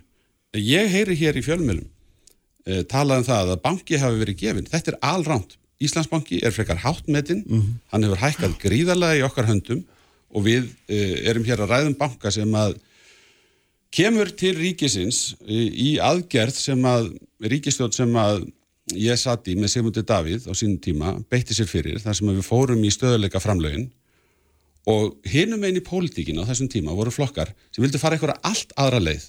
Flokkar sem hefðu aldrei tekið hann að banka yfir þeir vildu gangi í Evrópusambandið og skuldbinda sig Evróska selabankanum til þess að losa höftin. Þau hefðu enga trú á íslensku krónni, enga. Þetta er fólki sem að stutti fyrstu æsef samningana og, og, og, og þykist núna hafa efna á því að segja að það sé verið að fara illa með íslenskan almenning. Mm. Vist, þetta er svo mikil öfugmæli og svo mikil afbökun á sögulegum staðrendum að mann er bara ofbyður ég fer að segja það alveg eins og er. Við erum hér með banka sem við tókum yfir án endurgjalds og við höfum skapað úr þessu 300 miljardar virði fyrir ríkisjóð íslenskan almenning. Það er staðan, það er stóra myndin sem við erum að tala Já, um. Já, já. Átta mig á þessu mjög vel, en við erum líka að tala um stöðu þegar við erum að enga veða ríkisegn og við erum líka að tala um tröst á fjármálumarka, Algjörlega. tröst á stjórnvöldum 100%. og allt þetta sé hafið yfir vafa, Það er hvernig þetta er gert, allir fá að njóta hérna, jafnar aðstöðu, það sé gagsægi og allt þetta og það er þetta sem að, Þetta er allt um líkjandi í öllum það undirbúningi ekki? málsins, uh, í öllum undirbúningi, öllum skilabóðum frá mér til bankasíslunar, þinglegu meðferðinni. Sko, erum aðeins að halda til haga því hvernig ákvörðinu svona máli tekin. Hún er tekin með því að bankasíslan hefur frumkvæða því að leggja til að við förum í þennan leiðangur sem að endar inn í ráþæranemnd og síðan í ríkistjórn og fer fyrir tvær þingnefndir þar sem að bankasíslan mætir, útskýrir þetta í hörgul hvernig þetta muni gerast. Mjög augljóst að þetta muni gerast snöglega á einum degi frá því að markaðir loka þar til að opna aftur og allt þetta. En margir þeirra sem að sátu þessa fundi koma núna fram og segja ég bara kem að fjöllum. Ég veit, það saði mér þetta enginn. Jafnvel fólk sem er á nefndarálutum hérna á alþingi já, akkurat, ég meina það er líka það sem bankasýtlan heldur fram. Við gerðum þetta allt nákvæmlega eins og þetta að gera. ég hef ekki haldið neina öðru fram Nei, ég, ég veit það vel. Ég heldur ekki alltaf í fram að þú nei. alltaf í fram svo við förum með þetta í ringi. En ég meina, er, nú hérna, veltum maður fyrir sér, þegar að þeir koma til þín og segja, heyrðu þetta er klárt, Mm. skrifaðu undir þetta svona, við ætlum að selja fyrir þessu upphæð og þetta er gengið Já, og þú segir bara, já, þetta er heldamyndin, ég get skrifað undir það, en þú ert ekki að skoða einstaka bjóðendur Nei, nei, eftir því sem ég skildar. Nei, og, og það, það er það er nú eitt ég- þessari ég umræðu sko, en að, hef- að mér hefðirðu- borið að gera það. Sjáðu hvers konar, hérna... En hefður þú þurft að gera það, Bjarni, í ljósið hvernig þetta var? Nei, alls ekki. Af því að hérna erum að ræða útbóð og, og við erum að framkvæma útbóð á hlutlægum grunni. Þetta er ekki þannig að einhver hafi ringt í ríki og sagt, "Heyrðu, ég vil fá að kaupa, hérna, ég ætla að gera þetta tilbóð. Nei, ríkið fer í svona eins konar undirbúnisviðræður til þess að kanna eftirspurnina, kalla síðan eftir áhuga í þessu, það sem heitir á ennskunni book building og, og hérna sapna saman upplýsingum um það á hvaða verði og hversu mikið magn allir áhuga samir hæfir fjárfestar vilji taka þátt. Og eftir það, til þess að ná sem best þeim markmiðum sem bankasýslunum var falið að ná þá leggur bankasýslan til að gengi verði 117 og við seljum ákveðið magn. Og þegar að það hefur verið ákveðið, það er stóra ákvörðinu sem við þurfum að taka. Þegar við höfum ákveðið verðið og magnið þá er engin ástæða fyrir eh, ráðherran til þess að fara yfir kaupendalistan vegna þess að þetta eru hlutlaga reglur þar sem að menn þurfa bara að uppfylla skilir og þe- þe- sko þessi röksenda fæsla stjórnarnastöðan hún er auðvitað komin algjörlega í ring fyrst var sagt að við hefðum handvalið kaupendurna. Uh, síðan þegar það er hrakið þá komum menn að segja fjármálaráþarann hefði átt að fara yfir listan og handvelja kaupendurna. Hvert er menn, menn eru bara mm. komin út í skurð sko, með þessa rauksendafæslu En, en, en samt sem aður er þetta þannig að það, það eru, eru fjölmarkar efasendur um marga þessum smærri kaupendum Já, og og þá er- einhver, lítur á einhverjum tímapunkti að þurfa að segja, heyrðu, býtu Veitu, hvað, hvað áttu við Kristján þú segir að það séu fjölmarki með alls konar efasendir um smarri kaupendur hvað áttu nákvæmlega við? Ég er að lýsa því þegar að starfsmenn fyrirtækjana eru sjálfur að kaupa, það Já, er hugsanlega hagsmuna áreistrar og, já. og, og þess áttar. Ég er að og- lýsa og því við- við og ég er að velta fyrir mig hver, hver ætlar á endanum að hafa sér þá dómgrind að segja, heyrðu, býtu, þetta gengur ekki í útbúði á vegum ríkisins. Nei, Ef það er ekki fjármálaráþurann og það er ekki bankasýslan, hvert eru við þá komin með ábyrðum? Býtu, býtu, býtu, sko Já. það er enginn sem getur tekið ábyrð á því að tryggja að einungis hæfir fjárfæstataki þátt annar heldur en sölu aðilinn sá sem hefur upplýsingarnar um viðkomandi ber ábyrð á því að þær séu rétt skráðar, tilkynntar inn að sé haldið utanum þær með skipulegum hætti og það er alfarið eh, þeirra sem að taka þátt í að sapna tilbóðunum að tryggja þetta. Bankasýslan hefur ekki eins og heimildir til þess að kafa ofan í þessa hluti. En fjármála eftirliti hefur það. Og ég er í engum vafum að þeir munu fá að finna fyrir því sem að mögulega hafa farið á svig við þessa reglur. Ég meina það þarf enginn að halda því fram að, að, að það sé hægt að vera, fara í ágreining við mig um að ef að reglur hafa verið brotnar að, að þá eigi að taka á því, að sjálfsögða að taka á því. Og ég er mjög ánæður með það að, að fjármála eftir eitt selabankan skildi bara strax sína frumkvæð það, mér finnst það að vekja tröst og, og, og menn geta bara gengið út frá því að það eru allar heimildir til þess að fara djúft ofan í saumana á, á þessu. Fjármálamarkaðurinn sjálfur sem að hérna hrundi nú hér hressilega fyrir einhverjum 13 árum, 14 árum síðan. Já. og við höfum verið að reyna hérna sjálfsagt allir í saman einhvern veginn að byggja upp tröst á. Hann alltaf býður enn og aftur nekki á því hvernig menn einhvern veginn svona sniðganga sniðganga einhverjir Sko, við, allavega erum, við erum stödd núna í umræðu sem að sem sagt, eru dagarnir eftir framkvæmt útbóðs, það er ekki mánuður ja, hvað, það er rétt, rétt um mánuðurliðinni mitt núna, ég ætla að sé ekki bara mánuður á var. Og um, ég ætla algjörlega að hafna þeirri kenningu þinn að fjármála markaðinir hafi hérna, séu í einhvern veginn í lamassess eftir þetta skoða Ég bara sagði ekki að vera í Nei, eða- en- en hafi beðið- beðið Nei, hnekki. akkur, akkur eftir fjármála markaðinir að, að, hérna, að, að, fá þann dóma sem núna framkvæm þeirra er ekki hafin yfir vafa þennan vafa sem við erum alltaf að horfa á megi ekki vera fyrir hendi þegar við erum að enga veða ríkisegnir Já, ég held að, að en ekkert í grunninn ósamála því ég held að fjármála markaðinir Mm. sko, bankarnir og fjármála eftirlitið á Íslandi þrengjum þetta í sölu verðbæða nei, fyrirtæki ég sem eru skulum bara, markaði. nei, Já. segjum þetta bara eins og þetta er, eldarnir brenna næst mér, Já, ekki já. fjármálamörkunum, þú veist, það er hérna sótt að mér í augnablikinu og, og hérna, ég ætla ekkit að hérna, skjóta bara undan því að mæta og svara, ég geri það hvar sem er og ég er óbærslega stoltur af því hvernig til hefur, hefur tekist að taka til í ríkisfjármálunum, losa okkur út úr höftum með þeirri aðgerð sem meðal hann skila Íslandsbanka til okkar, að við skulum núna vera búin að ná að skrá hann í miðum heimsfaraldri, að við höfum séð 100 miljardar hækkun á bankanum, að við förum í útbóð þar sem er tiltrúlega lítið frávik þrátt fyrir opbáslega mikið magn brefa sem var selt, við erum komið með dreifðan hluthafa hóp, 15.000 hluthafa, allt það sem við sögðum áður en við fórum í þetta, við vildum ná fram. Gott verð, dreifður eigandahópur, fá almenning, fjárfesta, lífyrir sjóðaðara, við höfum náðu þessu öllu saman. En, en menn, grein, menn eru að gera ágreiningu það að það kunni mögulega einhver starfsmæður í einhverjum sjóði að hafa látið maka sín kaupa okkur svona, ég segi það bara, heyrðu, sko endilega skoðum það. Og það er gott að Sælabankin fer ofan í það, en við verðum að sjá skógin fyrir trjánum hérna. Tölum þá mannatriði þessu samingi 700 miljónir kostnaðurinn sem að hérna, margir hafa efast um að sé réttmætur og mér sé að bankasýslan hefur gert fyrirvarum að greiða. Mm. 700 miljónir er ansi Já, mér finnst það hátt. Já, já, mér finnst það það er hátt. ansi mikið peningur. Það er alltaf sagt bara, já svona gerast kaupin og eirin á þessum markaði. Já, mér finnst það, mér finnst þetta er bara hátt- sjálftaka, er það ekki? sko, það voru þín orð en, en, en sko mér finnst það mjög háþóknun um, bankasýslan hefur hins vegar bent á að þetta sé innan við helmingurinn af þeirri þóknun sem var greitt síðast. Það var reyndar viða meiri aðgerða því að það var frumskráning. en uh, við erum að selja í raun og veru fyrir sömu fjárhæð. Og um, ég hef svona verið að spyrjast fyrir um, um þennan þátt málsins og menn segja að þetta sé svona í efri kantinum en, en sömum finnst þetta allt og hátt. Og, en ég hef ekki aðkomi að því að gera þennan samning. Og hérna En sem, sem gæslumadur fjármuna ríkisjóðs Já, en, en sko í, í, í, hérna, í samhengi við sko verkefni þá finnst mér þetta að vera frekar háþóknun, ég skal bara alveg fallast á það. Og þetta er þá kannski svona einn liðurinn sem að uh, við höfðum í huga þegar við erum að hugsa sko, hefur kannski ef að gera þetta einhvern veginn öðruvísi. Þannig að við sittum ekki upp með gaggrinni á til dæmis söluþóknun sem við höfum enga aðkomu að, að semjum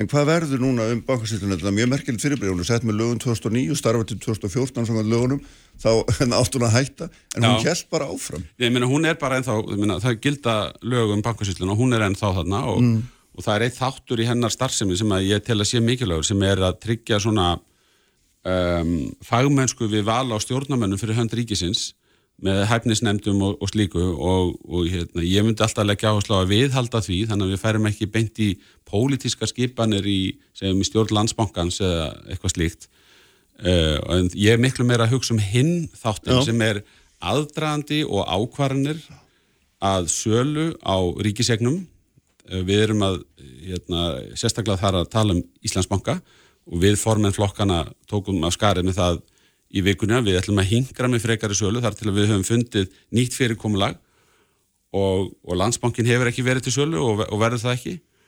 Um, þó að til lengri tíma segja eigendastefnan að það muni duga ríkjun að fara með svona ráðandi hlut þar. Um, þannig að það eru svona það eru nokkur atriði sem að urðu til þess að við sögðum bara herðu, ég, við teljum rétt að fara ofan í sauman á þessu skipulagi, þessu fyrirkomulagi. En í millitíðinni, þar til að það gerist þá hefur bankasýslan bara sitt hlutverk Það er þetta ekki búið að leggja hana niður, menn mæti vinna á mándaginn. Já, já, og hérna, þannig að eitt merkild í þessu líka var að hérna, sérstakur trúnaður maður þinn í bankasýslunni, stjórnanformaðurinn, Lárus Blöndal, hann hérna, mætti í viðtali morgublaði og saði að til greina að byrta listu við kaupundar, hann var allar konut í bíl þegar hann var spúin að já. Nei, ég meina þar þetta, ég, meina, ég er bara, það hluti af þessum ágreiningi ykkur eða hvað, eða Sko, sko ástæðum fyrir ei, því að þetta sko, ég var, ég, ég var kannski ekkit sérstaklega ánægð með það að það tæki heila viku sko, eftir að við höfum svona hérna, einhvern veginn bara gengið út frá því að við fengjum að við fengjum sko niðurstöð útbóðsins afhenda í fjármálarándið Uh, þá var eitthvað dráttur á því sem að endaði þá með því að ég hérna, 30. mars, sko útbóði fór fram 22. mars 30. mars þá sendi ég bara formlega bref eða let senda bref til bankasýlluna sem við óskuðum eftir að fá niðurstöð útbóðsins, útlutunum sjálfa og, og fengum þau svör að, að það var nú allir annmarkar því að byrta þær upplýsingar. Og við sögðum bara sem svo, heyrðu, það er allt annað mál hvort þetta verður byrtið ekki, en við í ráðuneytinu hljótum að fá niðurstöð útbóðsins, það getur ekki annað verið. Og það tók heila viku. Já. og þá voru undir stofnunni bara neitaði. Já, uh, það tók viku og, í- og í mittiltíðinu þá var bankasýslan að láta sína lögfræðinga vinna að, að, að aðtuguna því hvort að það væri heimilt að byrta þetta og deildu því með okkur að þeir teldu ekki heimilt að byrta þetta. Og ég ætla ekki að fara í eitthvað uh, lagalegan ágreining við Lárus Blöndal um það, ég menn ég bara virði það að hann er reyna að vanda sig, það er ekkert annað sem að býra baki þar, það er ekki eitthvað meinbækni minngarð eða eitthvað annað sko, það er bara menn að reyna að vanda sig. Við hins vegar tókum þetta til sjálfstæðra skoðunar í ráðunitinu og við töldum í ljósi eðlismálsins að það væri heimilt að byrta þennan þátt uh, útbóðsins hverjir fengu útluta hversu miklu. Og ég hafði reynda beðið fjármála eftir Sælabankans að, að veita með liðsinn í að meta þetta en þeir náðu ekki gera það innan þeirra tímamarka sem ég hafði væntingar um. Þannig við bara tókum að skara þegar okkur leiði vel með að gera það og, og ég byrti þetta sama dag og ég fekk þetta í hendunar Já, og þarna núna er þetta sko, er þetta búið að vera þetta hafari og nú mættu hérna einhver nokkur hundur manns á Östuvöll að mótmæla og það er búið að vera hérna svona kröftu andgar minna, Já, ég meina, ég, sko, ég- Jóhann Páll getur mætt og Ólína Þorvaradóttir getur mætt Já. á, Östuvöll og, og, og, og við rópa höfum sér hása, en það trublar ekki, sko. Nei, það trublar ekki og Nei. ekki þessar kannanir heldur. Finnst, Ertu bara steddi á því að þú, þetta hafi allt gengið? Það er bara verk að vinna, það er verk að vinna að útskýra það hvað var hér á ferðinni. Er, ú- það er verk að vinna að fara yfir það nákvæmlega hvað hefur gerst frá því að við tókum þennan banka yfir og hvernig við höfum skapað þessi óbóðslegu verðmæti fyrir íslenskan almenning og íslenska ríkið komum okkur í stórbætta stöðu. Nú er til dæmis verið að ræða um þjóðarleikvanga og slíka hluti hvort að Já. ríkið getur verið aflögu fært. Menn setjum þetta í samengi við það. Uh, og, og þetta fjárfestinga áttak sem við erum í, við erum að gera þetta meðal annars vegna þess að við höfum farið vel með þessa eign og við skapað óbóðslega verðmæti fyrir ríkisjóð, íslenskan almenning mm -hmm. framtíða kynnslóður, þannig að við erum að fjármagna margtæði sem við erum að gera með því að að, að vanda okkur, -huh. en það standa út af einhver framkvæmda aðrið og það verður bara að hafa þóli með til þess að fara yfir það og svara og, og taka í hotnin á þeim sem að mögulega uh, eh, bruta af sér, en ég hef ekki séð neitt ennþá um það. Nei, nei. Allt sem ég hef heyrt er, er eitthvað svona sögursagnir. Já, þú hafnar því algjörlega að lögbrot hafi verið framinn.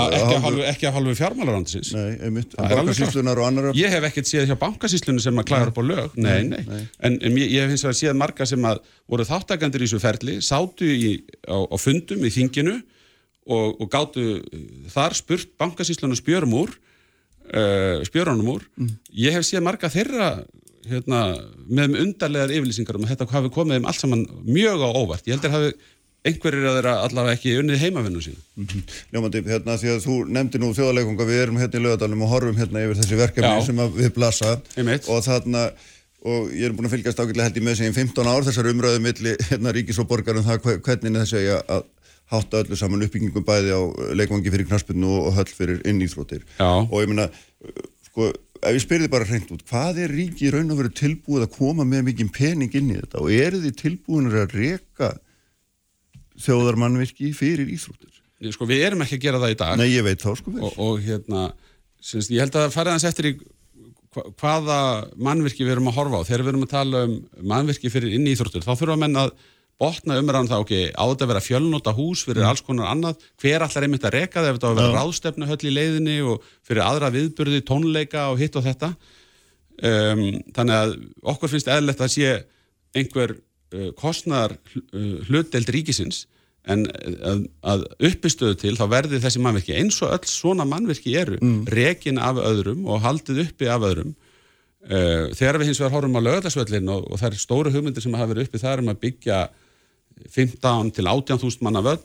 Og það eru svona frá 12 til 18.000 þessar hugmyndir sem maður hefur séð. Þá erum við að tala um frangan sem að uh, kosta tölvöld mikið meira kannski tvöfalt svona inn í hús. Tala 15-20 miljardar já, já, og, og, og, og ég skil það vel að það er, það er engin með hérna, hugmyndinu það að, að eitthvað sveitafélag getur borið það uppi. En í hinu tilvikinu þá er þetta hús sem eru bara í rekstri fyrir íþróttafélagin og, og, hérna, og fyrir alls konar viðburði. Við erum nú vöna að halda landsfundi sjálfstæðarflóksins í lögutarsallinu og, og þið þekkið það hvernig það allt saman er. Þannig að, að ríkið er ekki að fara að gefa einhverju sveitafélagi þjóðarhöllina ekki, það, og ég held ekki að það séu vendingar um það. En mér finnst tölundar sem Reykjavík hefur verið að nefna í þessu sambandi mjög lágar, ef ég segja alveg sver. Mm. 2 miljardar í hús sem að geti kosta 7-9 mm -hmm. mér finnst það ekki há fjárhæð Garðabær var að reysa íþróttamannverki fyrir fjóra miljardum dag. En, en til þess að þetta verði, það verður að verða stefnubreitinga hálfur ríkisins að því leiti að ríki verður að leggja meira í stoppkostna heldur en það er nokt tíma gert áður en þetta er eitthvað skonar þjóðar hérna, byggingar. Og, við höfum verið alveg skýra á því, við stopnum sérstaklega hlutafélag einmitt til þess að ræðum það.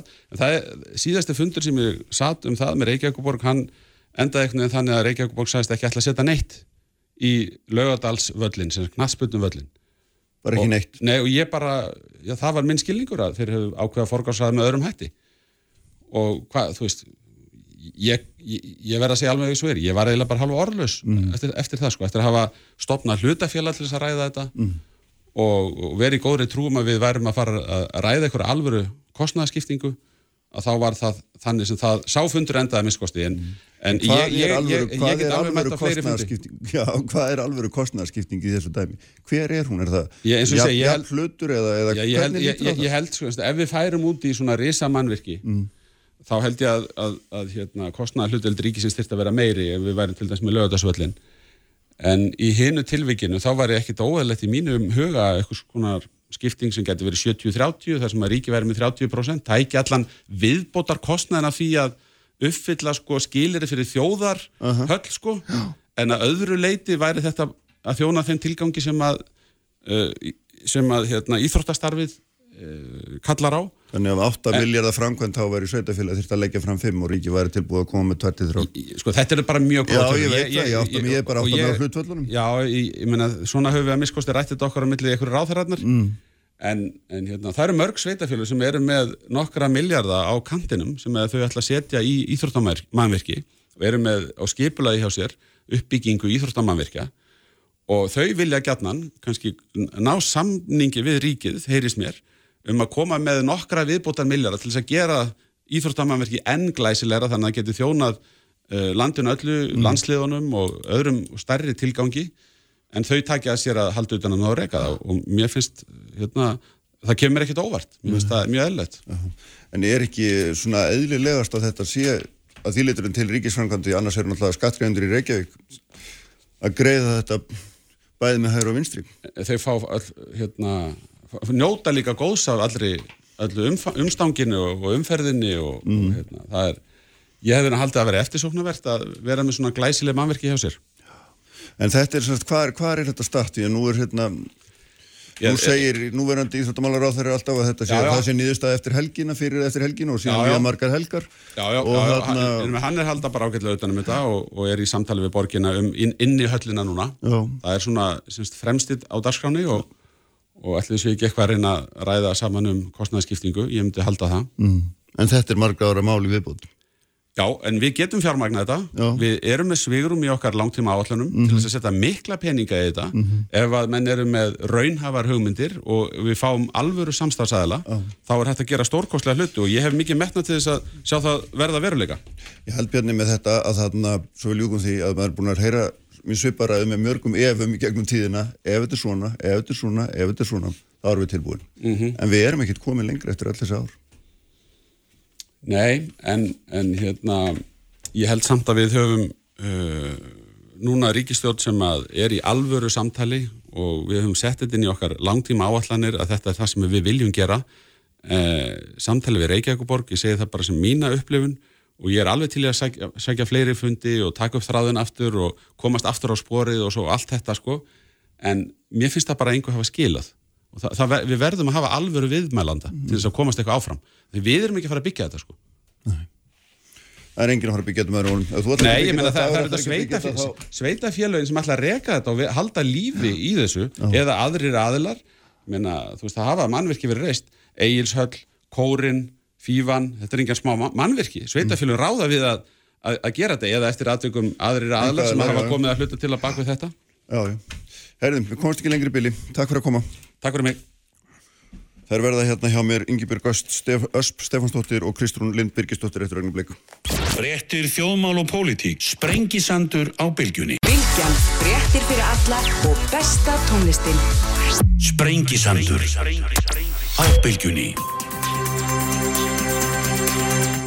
Sæli hlustundur, Bjarni Bendisson, fjármálráður að farin frá mér, uh, en það eru hins vegar sestar hér Ingi-Björg Ösp Stefansdóttir sem er fórstuðum að samkeppnis hæfnis svið samtakaðunum lífsins, þetta er náttúrulega smá titil, sæli blessu og velkomin og Kristrún Lind Birgisdóttir sem að er uh, eh, reyku skóla í skíu meðal annars. Já, sæl. Sæli blessu og velkomin. Takk. Uh, mér langaði að fá okkur til þess að ræða hérna um, um mentakerfið og þið eru nú reyndar hérna á samtökum aðunlýsins Ingi-Björg að að fara að halda dag á morgunir það ekki um, um svona framtíð mentakerfi sem svo einn stafræna mentakerfi getur við kallaða uh, og hérna skóli skýjum er náttúrulega dæmi mm -hmm. um slíkt auðvitað. Uh, hérna að því að uh, auðvitað er svona þegar maður ofta er að tala um mentakerfi þá og síðast ég var að tala um þá var maður að tala um það hvað svona allir strákar eru út undan það hérna, næðist ekki að laga kerfið að þarfum einstaklinga og svo framvið sem þetta er viðvarandi vandu hefur verið þetta á að vera skóli fyrir alla með alla sína sér þarfir og það er svona áhugavert að vita finnst mér sko þegar þeir eru að hugsa um þessi mentamáli tengslum bæði við aðtunni líf og, og svo bara skólalmenn hvort að við séum með getum með svona tæknilausnum um einhvern veginn þessu stafrænu máli hérna list svolítið þessi mál mm -hmm. Þú hittir eiginlega naklan hérna höfuð með einstaklingsmiðu nálgunina að hún er svolítið stóra áskorun í þessu og, og á mentadegi atvinnlífsins sem að fer fram á morgun að þá ætlum við að setja augun á á hérna, svona stafræna þróun og tækifæra áskorunni sem skapast í tengslu við það.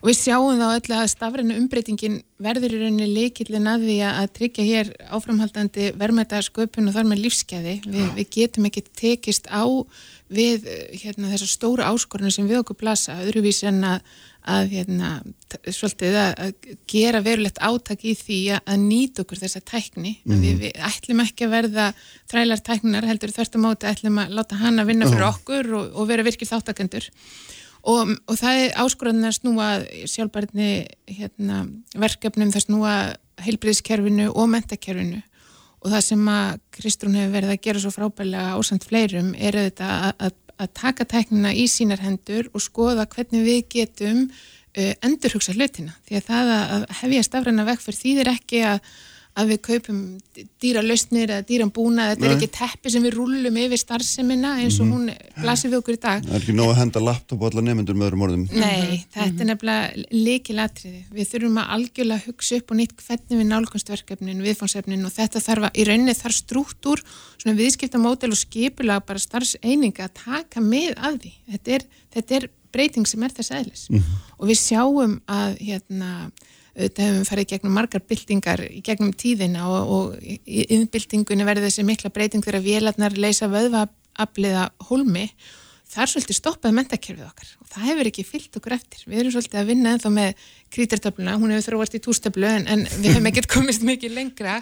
En þar eru svolítið stopp í þessu þrátt fyrir að við hefum séð hérna margar byltingar koma í kjölfarið með, með mm. tilherandi breytingum. Mm -hmm. Hvernig horfur þetta við þér Kristján, þú ert út, út á agrinu með þeim skilningi að hérna, að vinna nákvæmlega í þessum, þessum þáttum. Já og, við vinnum svo að bæði, við erum með lítinn skóla Já. í skíjónum en við erum líka út á földinu sko að hjálpa sveitstjórnumönnum og skólistjórnundum og kennurum sjálfum við þetta verkefni og það verkefni er ekki eins og þið segið að tústablan er núna að reysa stafræni skjáður sko, mm. sem maður getur skrifað að hérna, það er ekki verkefni Nei. verkefni er að fara alla leið í personu miðun og verkefni er ekki að finna lausnir fyrir strákana sem verða útundan heldur að breyta starfsáttum fyrir alla öll bönn fullotnir, hvar sem þeir eru í fræsluferlinu eiga bara að fá personu miða þjónustu og stafræni hlutin mm. gerir þetta einfalt uh -huh. og það er pína erfitt að sjá þetta fyrir sér Já. það er pína erfitt að bara, Byr. Byrjaði eins og þú sagði að við erum með lítinn skóla í skíunum, Hva, hvað til að með stýðir það? Það þýðir að við erum með 15 nefnundur núna í litlum skóla sem er, þetta er tilhörnaverkefni og þrónaverkefni en öll þessi börn sitja heima á sér og kennarin, sko skólistjórin er á Hólmæk og hérna kennar í Borganesi og það eru kennar út um allt mm. land reyndar sem er að hérna, vinna í þessum skóla og líka reyndar í útlöndum en það er önnur sá og þar notu við sem að tæki sem við kallum námskagnatorg og það tæki gerur okkur kleift að personum við að námi fyrir alla. Og það skiptir einhver máli þó það verður 150 eh, þau getur verið 1500, þau getur verið 100 ásend það skiptir ekki máli, það skiptir ekki máli hvaða tungumáli það tala, það skiptir ekki máli hvort geta gengið eða talað, það geta allir fengið eitthvað vissi tæfi uh -huh. og framtíðasínin er að búa til stafrænt sapna efni sem að hver sem er getur dreyið út til þess að e, bara taka framförum. Og þetta þarf ekki að stoppa á grunnskólastíða, framhálskólastíða, háskólastíði, þetta getur farið alla leið og nú langum við að taka eitt pínlítið dæmi já, já. að ég var að, ég brunaði að norðan í morgun. Og vorum að klára Andris Randaleguna og bara sjúklega gaman já. og hérna margi snillingar þar. En þar stóð ég með hópa snjóbrettaköpum og hérna einn af snjóbrettaþjálfurnum okkar er pípulagninga eh, hérna eh, sveit mm -hmm. og hann er búin að vera pípulagningamæður örgli í 20 ár á Akureyri og kennir líka eh, þjálfastra á snjóbrettum en hann er ekki, hann er ekki útskrifaður sem meistari þannig að hann þarf að klára þrá bókvæsla áfanga. Uh -huh. Þannig að í staðin fyrir að við segjum við hann, notaðu nú bara þetta appin hérna í bókvæsluna og farðu út sem meistar að taktu þess að 20 stráka með þér. Það snýstum að hérna, láta ekki svona verðmæti leka stöðugt út og þetta skiptir okkur öll máli. Uh mhm. -huh. Og við, bara... við sem samfélag auðvitað höfum heldur ekkit efni á þessu. Við sjáum það að, að, að hérna, skorstur á, á hérna, starfsfólki mun hamla framþróin á mörgum sviðum næstu árin ef ekkit verður aðgerst.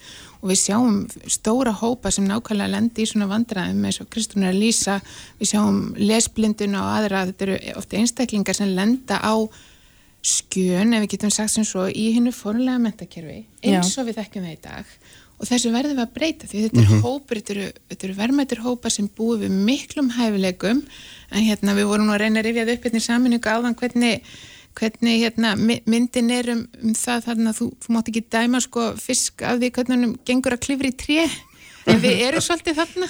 Veist, við erum bara, við eigum bara eina mælistíku og þá mm. missum við frá okkur hópa stóra hópa sem við missum frá okkur hérna allt og snemma. Og við náum ekki að vinna með ótrúlega dyrmata eiginleika og hæfileika sem að þessir einstaklingar hafa. Mm -hmm. En er þetta þá einhvers konar þegar við erum komin í þessa stafrænu vegferð þá, er, eins og mér þetta hljómar þá er þetta svona sjálfs sjálfsnám og sjálfsægi sem maður þarf að beita þetta. Er þarna bara maður þarf að sækja það? Já, þetta er ekki eða hvað, er, eða er þetta inn í hennu formlega kerfi með öllum hætti líka? Já, þess að enna, ef, ef við bara förum í smækkuðu myndina það aftur, bara litla skólan enna, þá eru bara krakkar þar að nema og læra hluti, alveg bara eins og við gerum í vennilega skólanum í dag nema við erum ekki með eina bók þar sem allir eru á sumu blæsi ef við bara hérna, tökum þess að mynda eins upp mm -hmm eh, við kallum þetta kannski bara svona törskubækur þið munu eftir þess að allir er með eins og svo bara fletta, klára verkefni, taka kaplapróf. Mm.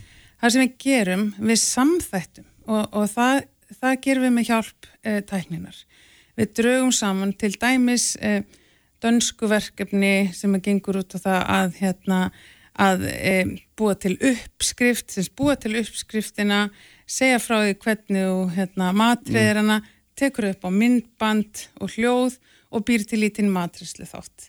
Með að búa til matrislu þátt þá erst að tengjast eh, 10, 20, 30, 40 námsmarkmið í einföldu, Já. skemmtilegu og persónu með verkefni. En, en þetta er nú samt sem aður hérna, eitthvað sem grunnskólinn hefur nú verið að vinna með, með mjög svipuðum hætti eftir í sín bestu veit. Það, það, er stöðt verið að gefa Já. í en það sem að vantar kannski, það er svona utanumhald, þannig að margi getur sótt góðu verkefni sem kennar til dæmis vinna. Já svona verkefni er hugmynd einhvers kennara einhver staðar og ef að ég geti sem kennari sótt mér um, inn í kennslustofuna kannski 10-100 af svona frábærum verkefni sem kennara hafa útbúið og það tengist beint hæfni nefndags og hvernig hún svona veg síðan upp alla skólagöngunum, þá þurfa ekki alltaf allir að vera að gera það sama. Mm -hmm. Þetta er svona gott dæmi um hvernig við getum dreyð og sóun og, hérna, og nota tæknina til þess að til að auka gæði og skilvirkni, hafkvæmni og svo finnst mér þetta verkefni líka svo áhugavert fyrir það að sakja að yfirfærslu gildi er mikill. Þannig er verið að vinna með, með hérna, aftur nota í orði formlega skólakerfi sem er ekki endilega hérna, heppilegt en mm. við, við höldum í það samt. Hérna, en auðvitað má hugsa sér að þessi hugmyndafræði geti gagnast í allri endumöndun og fullansfræðslu. Við getum líka hugsað okkur að þetta geti þróast og, og gagnast svipu hugmyndafræði í öðrum málaflokkum mm. og, hérna, og, og öldrunum þjóðar get ég nefnt þar bara sem eitt dæmi sem hann er fest algjörlega að blasa við bara hérna, einhvers þar þurfum við að eiga þetta torg og hérna uh, auðvelda upplýsingaleit uh, auðvelda aðgengi að, að hérna, úrræðum og annað mm. til að þjóna svona stórum hópum Erum við, erum við, hérna, erum við eftir öðrum í þessum svona stafræna heimi, ef við getum kallað það svo eða, eða, mm. Eða þykistu við bara best í heimi þessu eins og mörg Sko flestar vísmyndinga benda til þess að svona, ef við, ef við nálgumst þetta svona á dýftina þá eru við eftirbátar því miður mm -hmm. hérna, Að hvað leitu? Uh, kannski svona eila þessu sem ég hérna lísti hér á þann að við erum alveg fljóta að, að hérna, við erum fljót komið með símanna og tækin og svona sé, yfirborslægið mm -hmm. en við höfum kannski ekki náð að taka þetta á dýftina, við höfum ekki náð að uh, þróa starfshætti okkar með þeim hætti að við séum sannarlega að íta undir verðmættasköpun til lengri tíma. Og mentadegi atvinnlífsins á morgun þá munum við fara í þetta í grunninn, við mm. munum skoða hvernig við getum farið inn á yngstu stegi í skólanum og, og stuðlaða auknu tæknilæsi og áhuga á tæknimálum yfir höfuð og þetta hefur svo mikil áhrif á, á það hvernig nefndur velja sér námsleðir þau verða eldri.